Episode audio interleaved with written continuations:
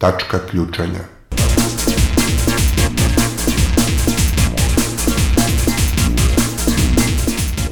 Podcast o protestima.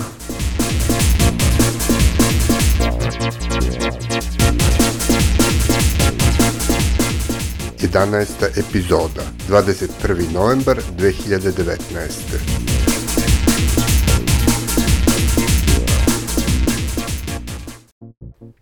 Dobrodošli u 11. epizodu Tačke ključanja, koju ćemo ovog puta započeti drugačije nego inače. Obično su nam vesti iz sveta na kraju epizode, ali ovaj put imamo jedan ekskluzivan prilog iz uzavrelog Hong Konga, koji već pet meseci privlači pažnju svetske javnosti. Protesti u Hong Kongu su počeli početkom leta i motivisani su željom stanovnika ove male poluautonomne oblasti u okviru Kine da spreče ukidanje to malo autonomije što još imaju. Pod okriljem ovih protesta bilo je do sada raznih vrsta dešavanja, i miroljubivih i nasilnih, pa je tako tokom prethodne nedelje u Hong Kongu održan čak i Gay Pride u znak podrške autonomiji. Ipak, ključni događaj nedelje je svakako višednevna bitka za Politehnički univerzitet, popularni Poli-U, tokom koje su nadmoćne policijske snage opkolile nekoliko stotina demonstranata u kampusu univerziteta. Policija je koristila enormne količine suzavca i gumene metke, a demonstranti priručne zapaljive bombe, cigle i strele, pa je tako i jedan policajac ranjen strelom. O tome šta se sada tamo dešava i kako je uopšte došlo do ove neravnopravne bitke, za tačku ključanja govori jedna naša studentkinja na doktorskim studijama u Hong Kongu, koja je iz razumljivih razloga želela da ostane anonimna. Razgovor s njom obavljen je preko Vibera. Sve je počelo pre par dana kada je u stvari policija pokušala da uđe na drugi univerzitet, Chinese University of Hong Kong, CUHK, i tada su počeli sukobi između, mnogo značajniji sukobi između protestanata i policije. I onda su izbili, prosto studenti su se organizovali na drugim univerzitetima i krenuli da se skupljaju, ne bili se oduprali policiji, a između ostalog Poliju je na dobrom strateškom, na strateškoj poziciji zato što je u blizini Cross Harbor Tunnel, to je tunel koji povezuje Hong Kong Island i Hong Kong, ovaj centralni deo Hong Konga.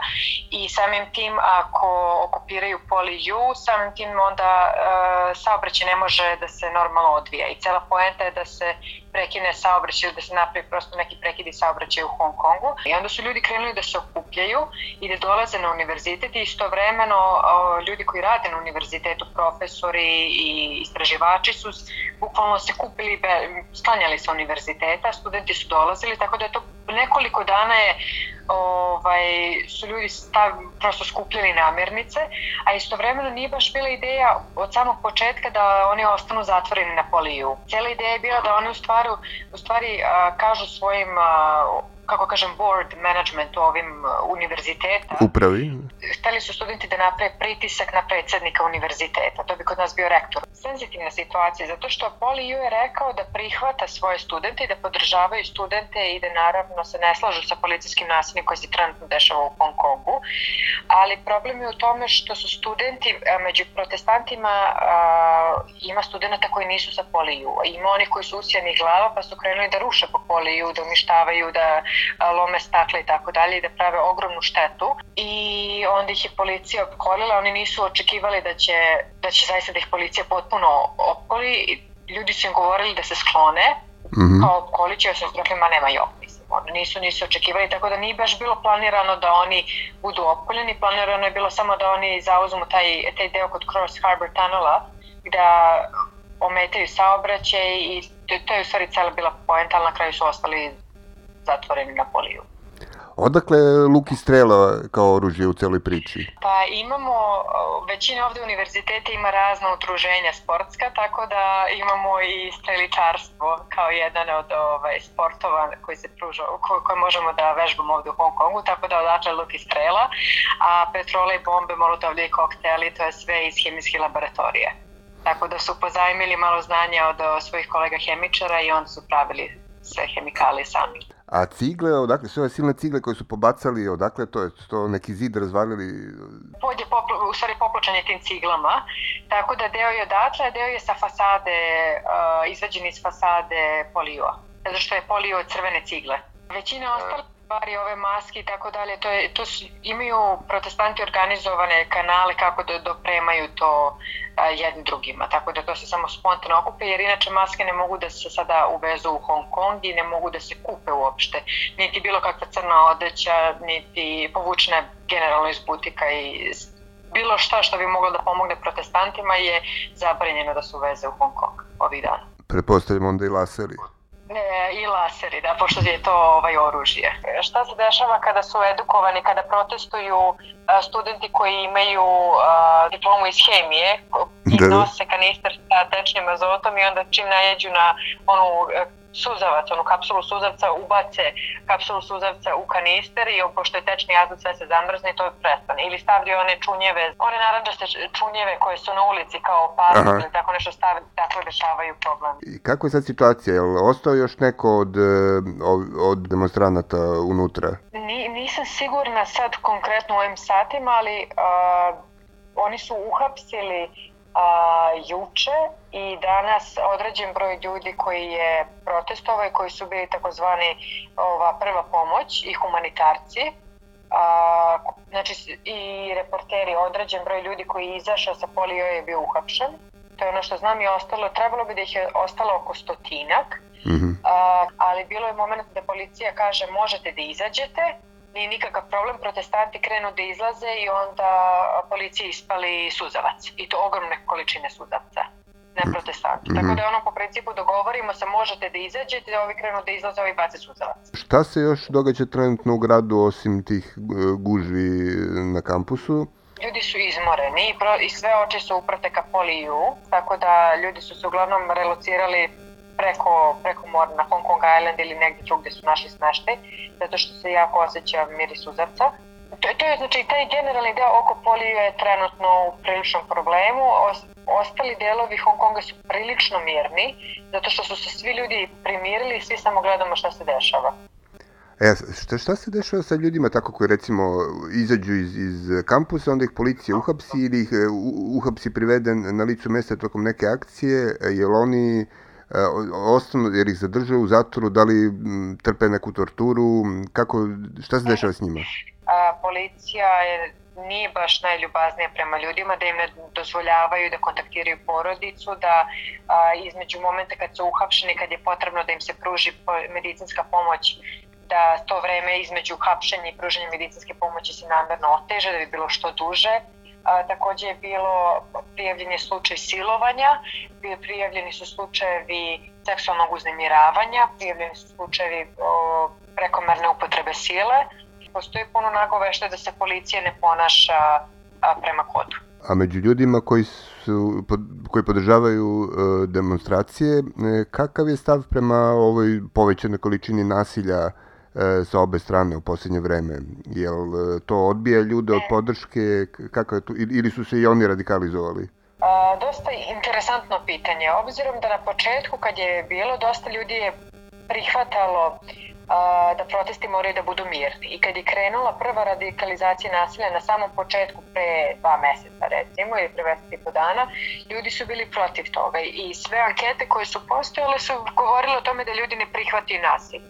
Ali kako se a, ponašanje policije prema protestantima menjalo i koliko su je policija postajala agresivnije, ljudi okolo su počeli da shvataju da, nažalost, jedini odgovor na ponašanje policije je nasilje. Pre toga je policija bila nekako čuva reda i mira, sada su, kad, kada vidimo policiju, svi se osjećamo izuzetno neprijatno.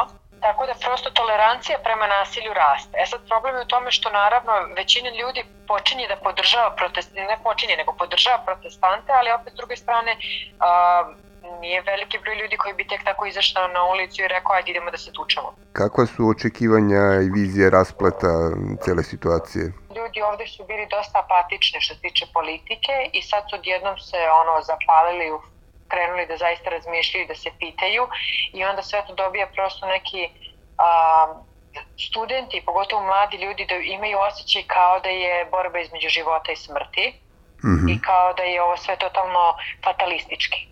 I to je ono što daje tu određenu notu da zaista ne možeš da predvidiš šta će da se desi jer i studenti su i ovi mladi ljudi koji se bore za Hong Kong su a, pod velikim stresom i istovremeno zaista imaju osjećaj kao da čak i ako umru za taj cilj, oni kažu da je vredi umirati za slobodu. Tačka ključanja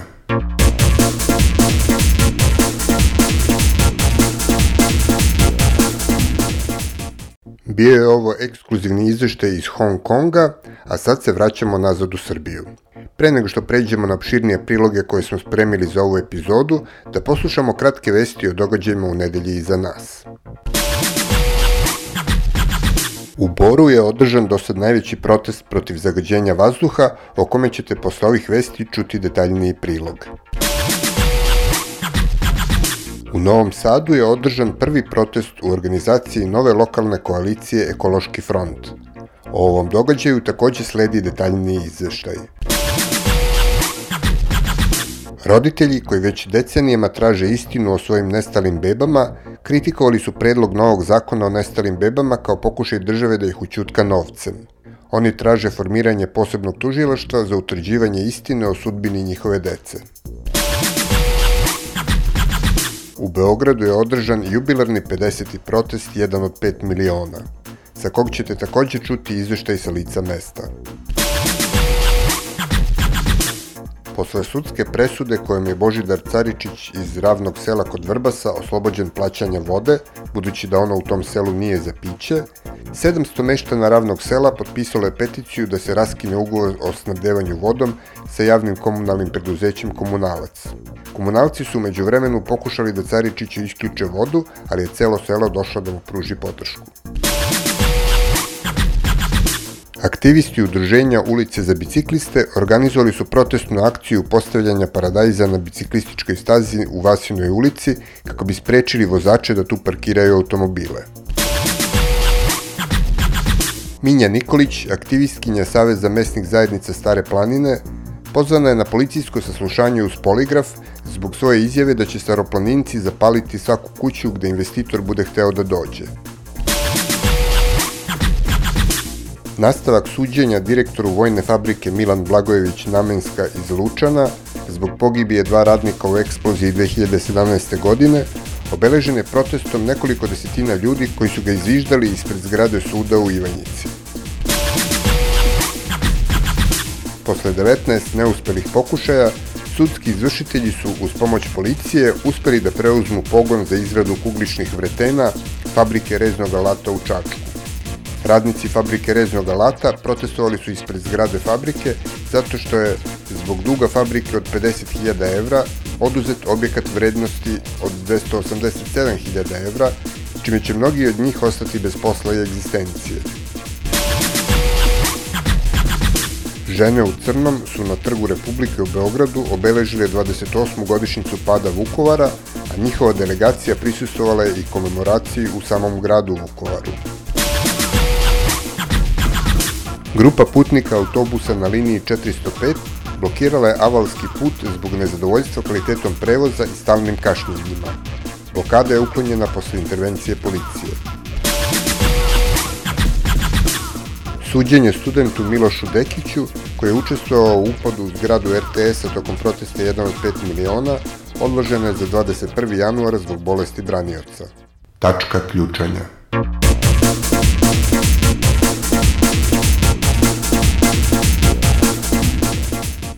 Kao što smo rekli u vestima, u Boru je prošlog petka održan novi protest protiv zagađenja vazduha u organizaciji inicijative Borani protiv dima. Ispred zgrade generalne direkcije kompanije Zijin, koja je kupila nekadašnji rudarsko-topioničarski basen Bor, okupilo se oko 350 nezadovoljnih građana Bora i gostiju iz drugih gradova. Prvi su im se obratili Saša Ilić iz Saveza mesnih zajednice Stare planine i Miodrag Živković iz sela Slatina. Čuli ste da je krenuo požar na staroj planini. Taj požar smo ugasili, ali sa stare planine je krenuo jedan drugi požar koji je zagrejao ljudska srca i pružio nadu ljudima da mogu da se bore izbore za svoje na svome. I sada širom Srbije su se ljudi odvažili da čuvaju svoje reke, svoje parkove osjećanje drveća, svoj vazduh kao u boru, i kao leopardova koža te fleke na slobodne zone na teritoriji Srbije jednog dana će se ujediniti i cela Srbija biće slobodna. niko, znači niko nikad nije našao za shodno da, da dođe i da, da nam kaže ljudi izvinite, izvinite što smo vam trovali pretke, izvinite što trujemo vas, izvinite što trujemo vaše pokoljenja. Ne, njima je bitan samo profit, bitan im je bakar, bitno im je zlato. Pa sinoć je gospođa guvernerka Narodne banke na televiziji izjavila da je otkupila u dinarima zlato od Ziđina. Lepše nama sijaju naša deca nego njihovo zlato. Toku protesta iz zgrade direkcije Ziđina izašla je grupa zaposlenih koji su naišli na bučnu reakciju okupljenih.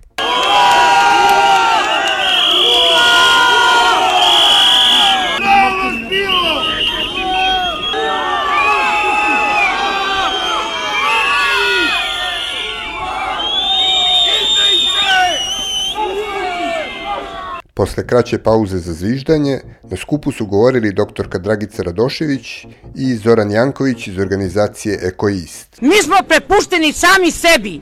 Mi građani Bora moramo da brinemo sebi, da nastavimo i dalje da se borimo, da iskoristimo sva moguća sredstva. Ako ove institucije neće da nam izađu u susret i neće da, da rade svoj posao, onda ćemo morati mi da se branimo kako umemo i znamo uzet ćemo recept ljudi sa stare planine, pa ćemo da izađemo i nećemo dozvoliti ulaz nikakve rude koja dolazi iz celog sveta. Gospodine Long i upozoravamo vas da znamo da topite polimetaličnu rudu iz rudnika Gornjeg Milanovca Vranja Bocilegrada, čijom preradom nas borane zasipate olovom, cinkom, arsenom i ostalim teškim metalima, da topite rudu iz rudnog tela Čoka Marin kod Majdanpeka, koja sadrži izuzetno velike koncentracije arsena. Mi smo i dalje spremni da sa vama rešimo problem. Dogovorno ili samostalno, jer protesti neće stati. Posljednji govornik bio je Srđan Marković iz organizacije 1 od 5 miliona, koji nije mnogo okolišao. Jer iza ovoga što se ovdje dešava i zašto se vi gušite, stoji direktno niko drugi do Andrej Vučić, brat našeg predsjednika.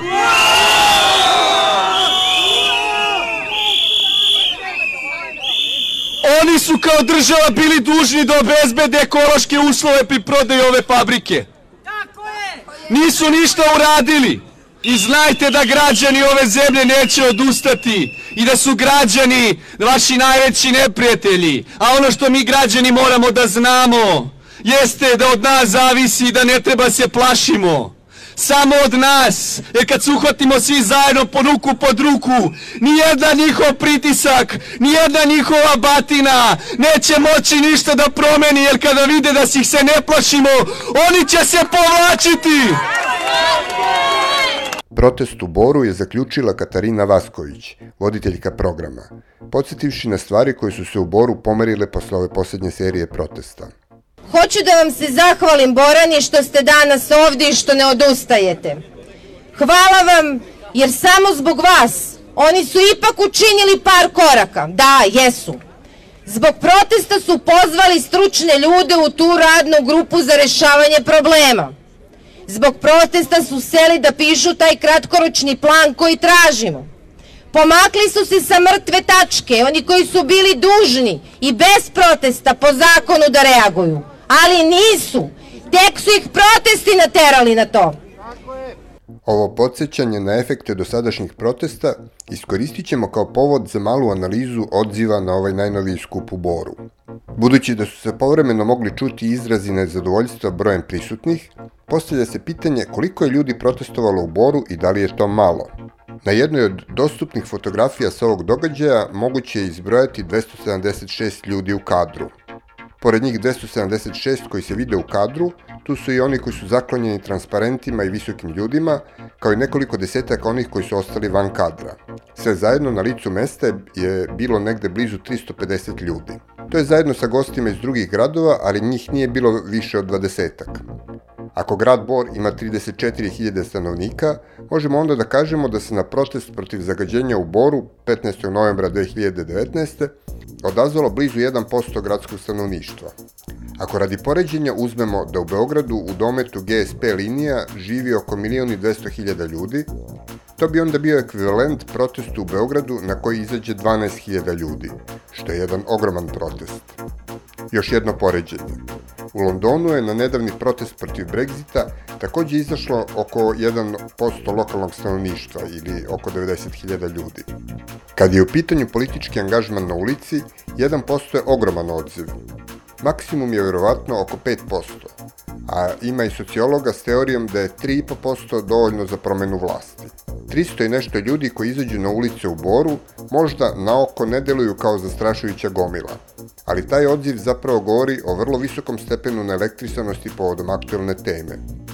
To je proporcionalno otprilike isti nivo motivacije stanovništva kao i u Velikoj Britaniji protiv Brexita. Takođe, ovo je bio i do sad najbrojniji od tri jesenja protesta u Boru i to ne samo zbog dolaska nekih ljudi iz drugih gradova. Tog dana su i sami Borani došli u relativno velikom broju. Tačka ključanja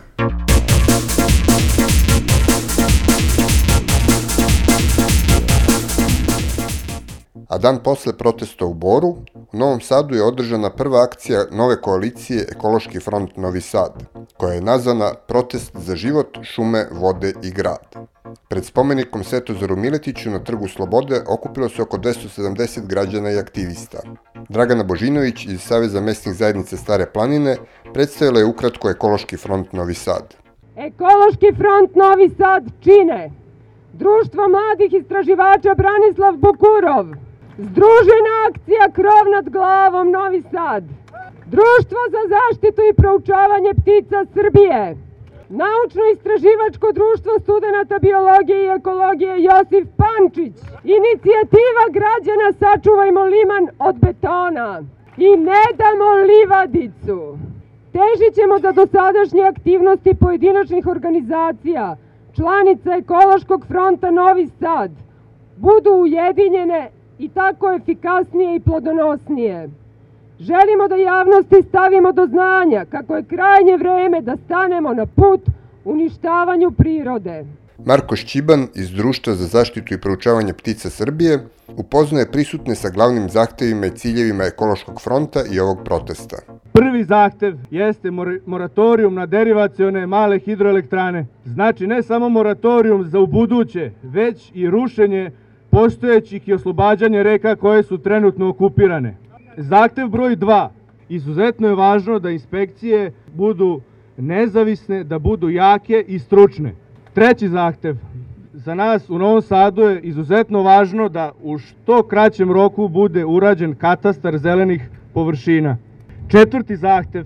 E, tražimo obustavu svih štetnih projekata i planskih dokumenta i takođe tražimo učešće građana u urbanističkom planiranju grada u budućnosti. Peti zahtev.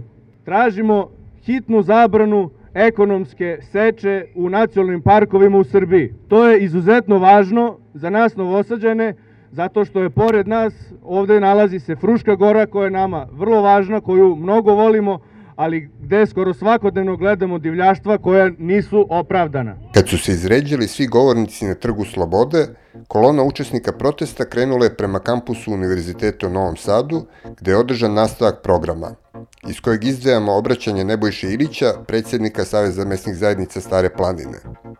Poput Katarine Vasković u Boru, i on je dao koristan podsjetnik na dosadašnje rezultate ekoloških protesta.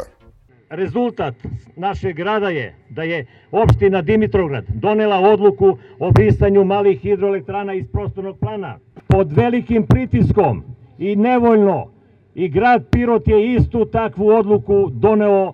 Ostaje nam da istu odluku donese i grad Knjaževac. Nadamo se već na prvoj sednici Skupštine.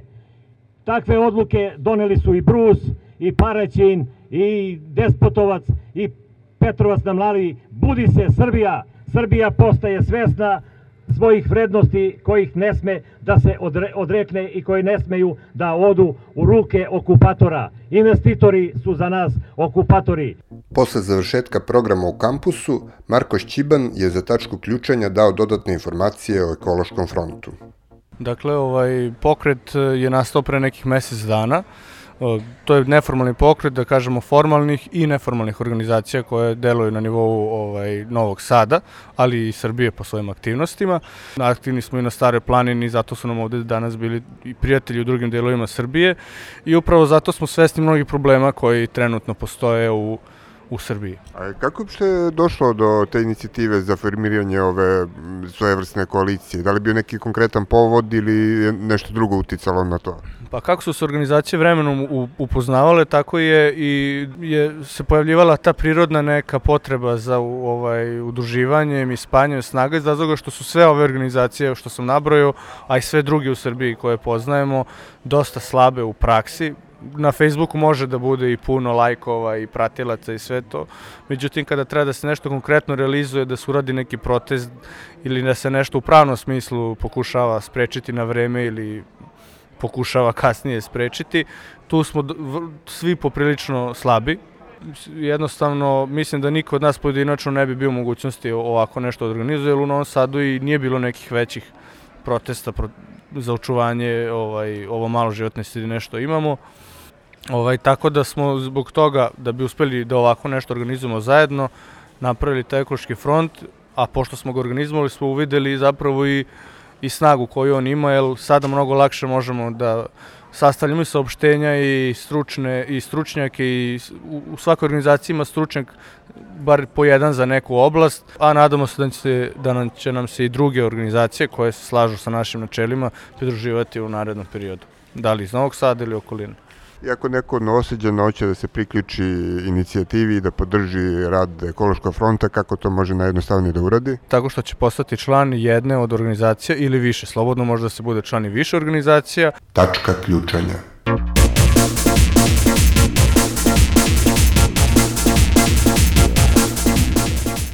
U subotu je održan i 50. protest jedan od 5 miliona, koji je velikim delom bio u znaku kardiovaskularnih oboljenja na javnoj sceni.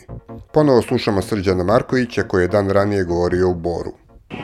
Spomenuo bi još nešto, kad već spominjem onog što se leči. Ima jedan čovek koji je imao problema sa srcem i završio u bolnici.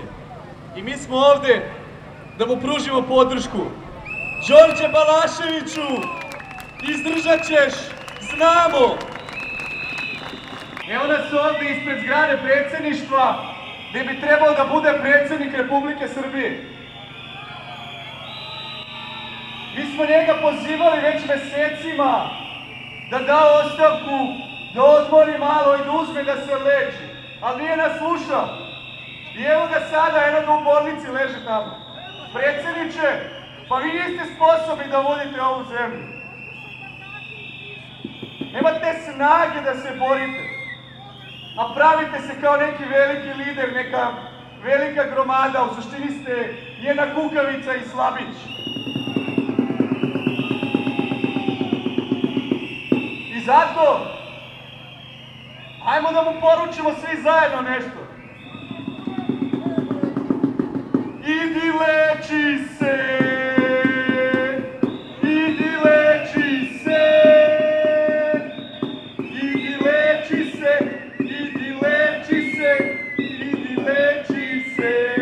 Protestna kolona sa oko 1400 učesnika uputila se sa studentskog trga do Palate pravde, gde su okupljeni mogli da čuju telefonsko obraćanje Aleksandra Obradovića, uzbunjivača iz Krušika, koji se javio iz kućnog pritvora u Valjevu. Hvala vam na svoj podršci, solidarnosti i snazi koju mi dajete. Ne očekujte od mene neki veliki i nadahnut govor. Jednostavno nemam talenata ni znanje za tako nešto Ne smatram sebe ni herojem, niti mernom jedinicom za hrabrost, ni bilo šta slično.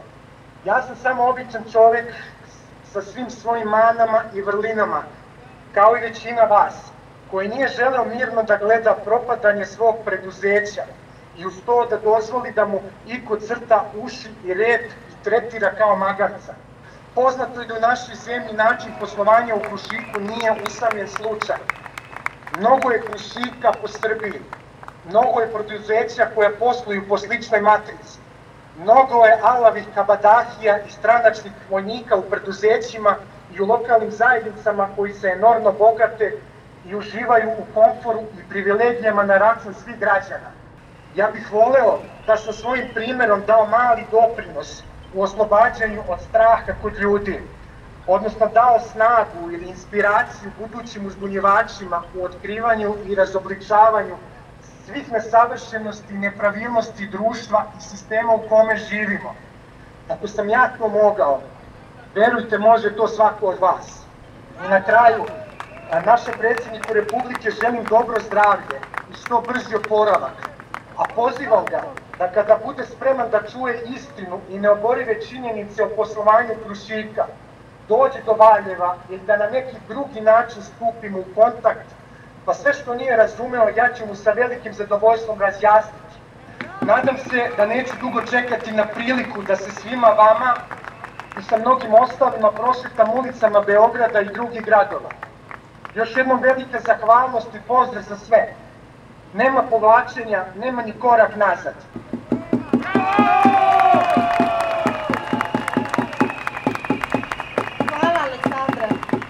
Tačka ključanja.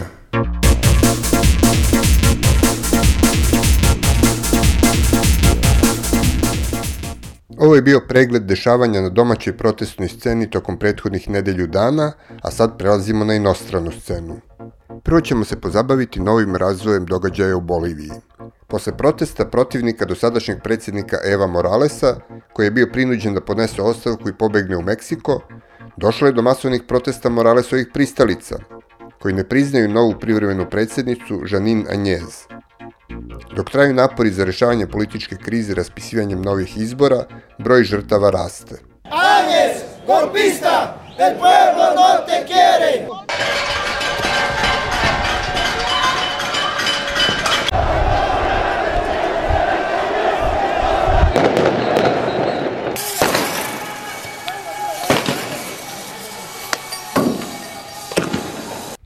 Socijalni i antisistemski protesti u Čileu ostavljaju sve ozbiljnije posledice po društvo i ekonomiju, a na ulici je poginulo više od 20 ljudi.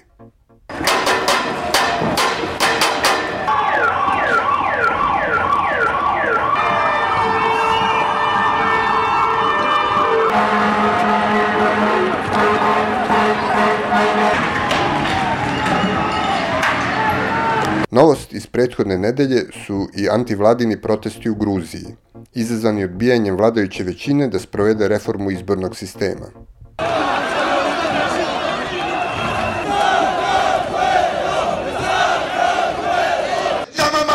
ძალა არც ბიძინა ივანიშვილს არა ფრის ფასად ვერ დავდგები მე ნიშას არა გიგას არა ბოროტებს არა ამ შუშის მელაკუდეს ან იქნება თავისუფლების მოედნის გავსება U Češkoj i Slovačkoj masovnim demonstracijama obeležena je 30. godišnjica takozvane plišane revolucije, kojom je srušen komunizam u tadašnjoj Čehoslovačkoj. Učesnici sadašnjih demonstracija izrazili su nezadovoljstvo zbog izneverenih demokratskih ideala koji su pokrenuli stanovništvo ove dve zemlje pre 30 godina.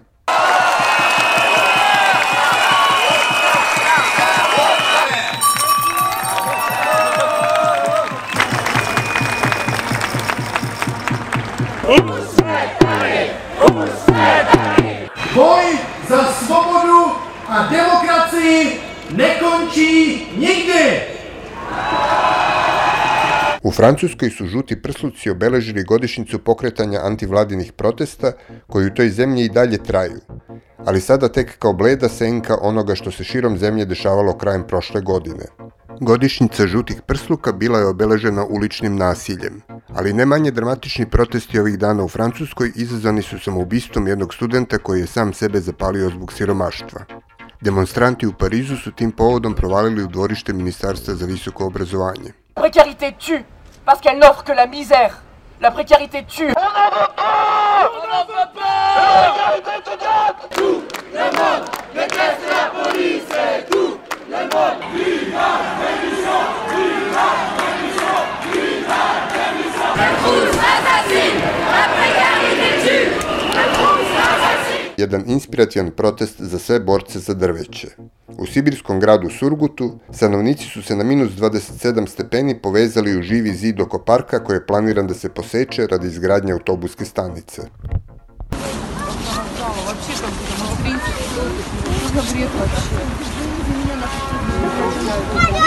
Да, да.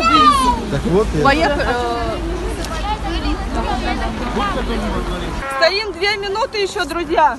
Ну почему две только? Мы как бы только настроились. Там люди еще собираются. Идут, идут, там с той стороны. Да все еще идти будут до половины точно. Od ostalih vesti iz belog sveta posebno izdvajamo neočekivane proteste u Iranu, izazvane poskupljenjem goriva od 300%. Reakcija vlasti bila je izuzetno oštra i uključila je kako policijske intervencije sa bojevom municijom, tako i druge mere poput višednevnog isključenja interneta u celoj zemlji, zbog čega i nemamo snimke s tih protesta. Preko hiljadu ljudi je uhapšeno, a najmanje nekoliko desetaka poginulo.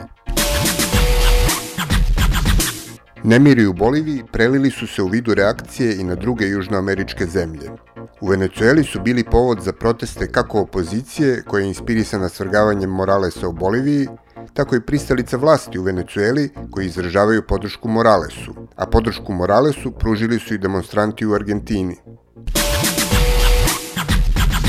U Libanu su organizovane blokade puteva, nakon što je u protestima protiv vladinih ekonomskih mera u toj zemlji pala prva žrtva.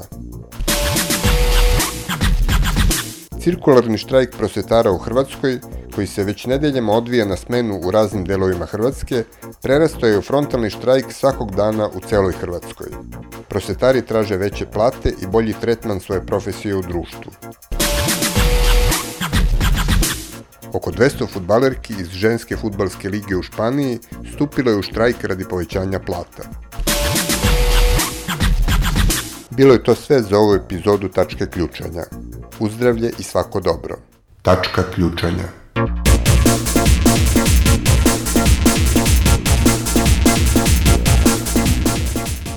Tačka ključanja je autorski podcast koji je deo šireg programa Politika na ulici, a realizuje se uz podršku građanskih inicijativa.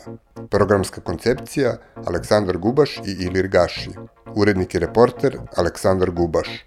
Muzička podloga Dominator i Bullshit Artists. U ovoj epizodi korišćeni su snimci Tačke ključanja, Facebook strane bor030net i YouTube kanala Raptli i K-Inform. Kontakt tacka kljucanja et gradijanske.org i 063 8927 467.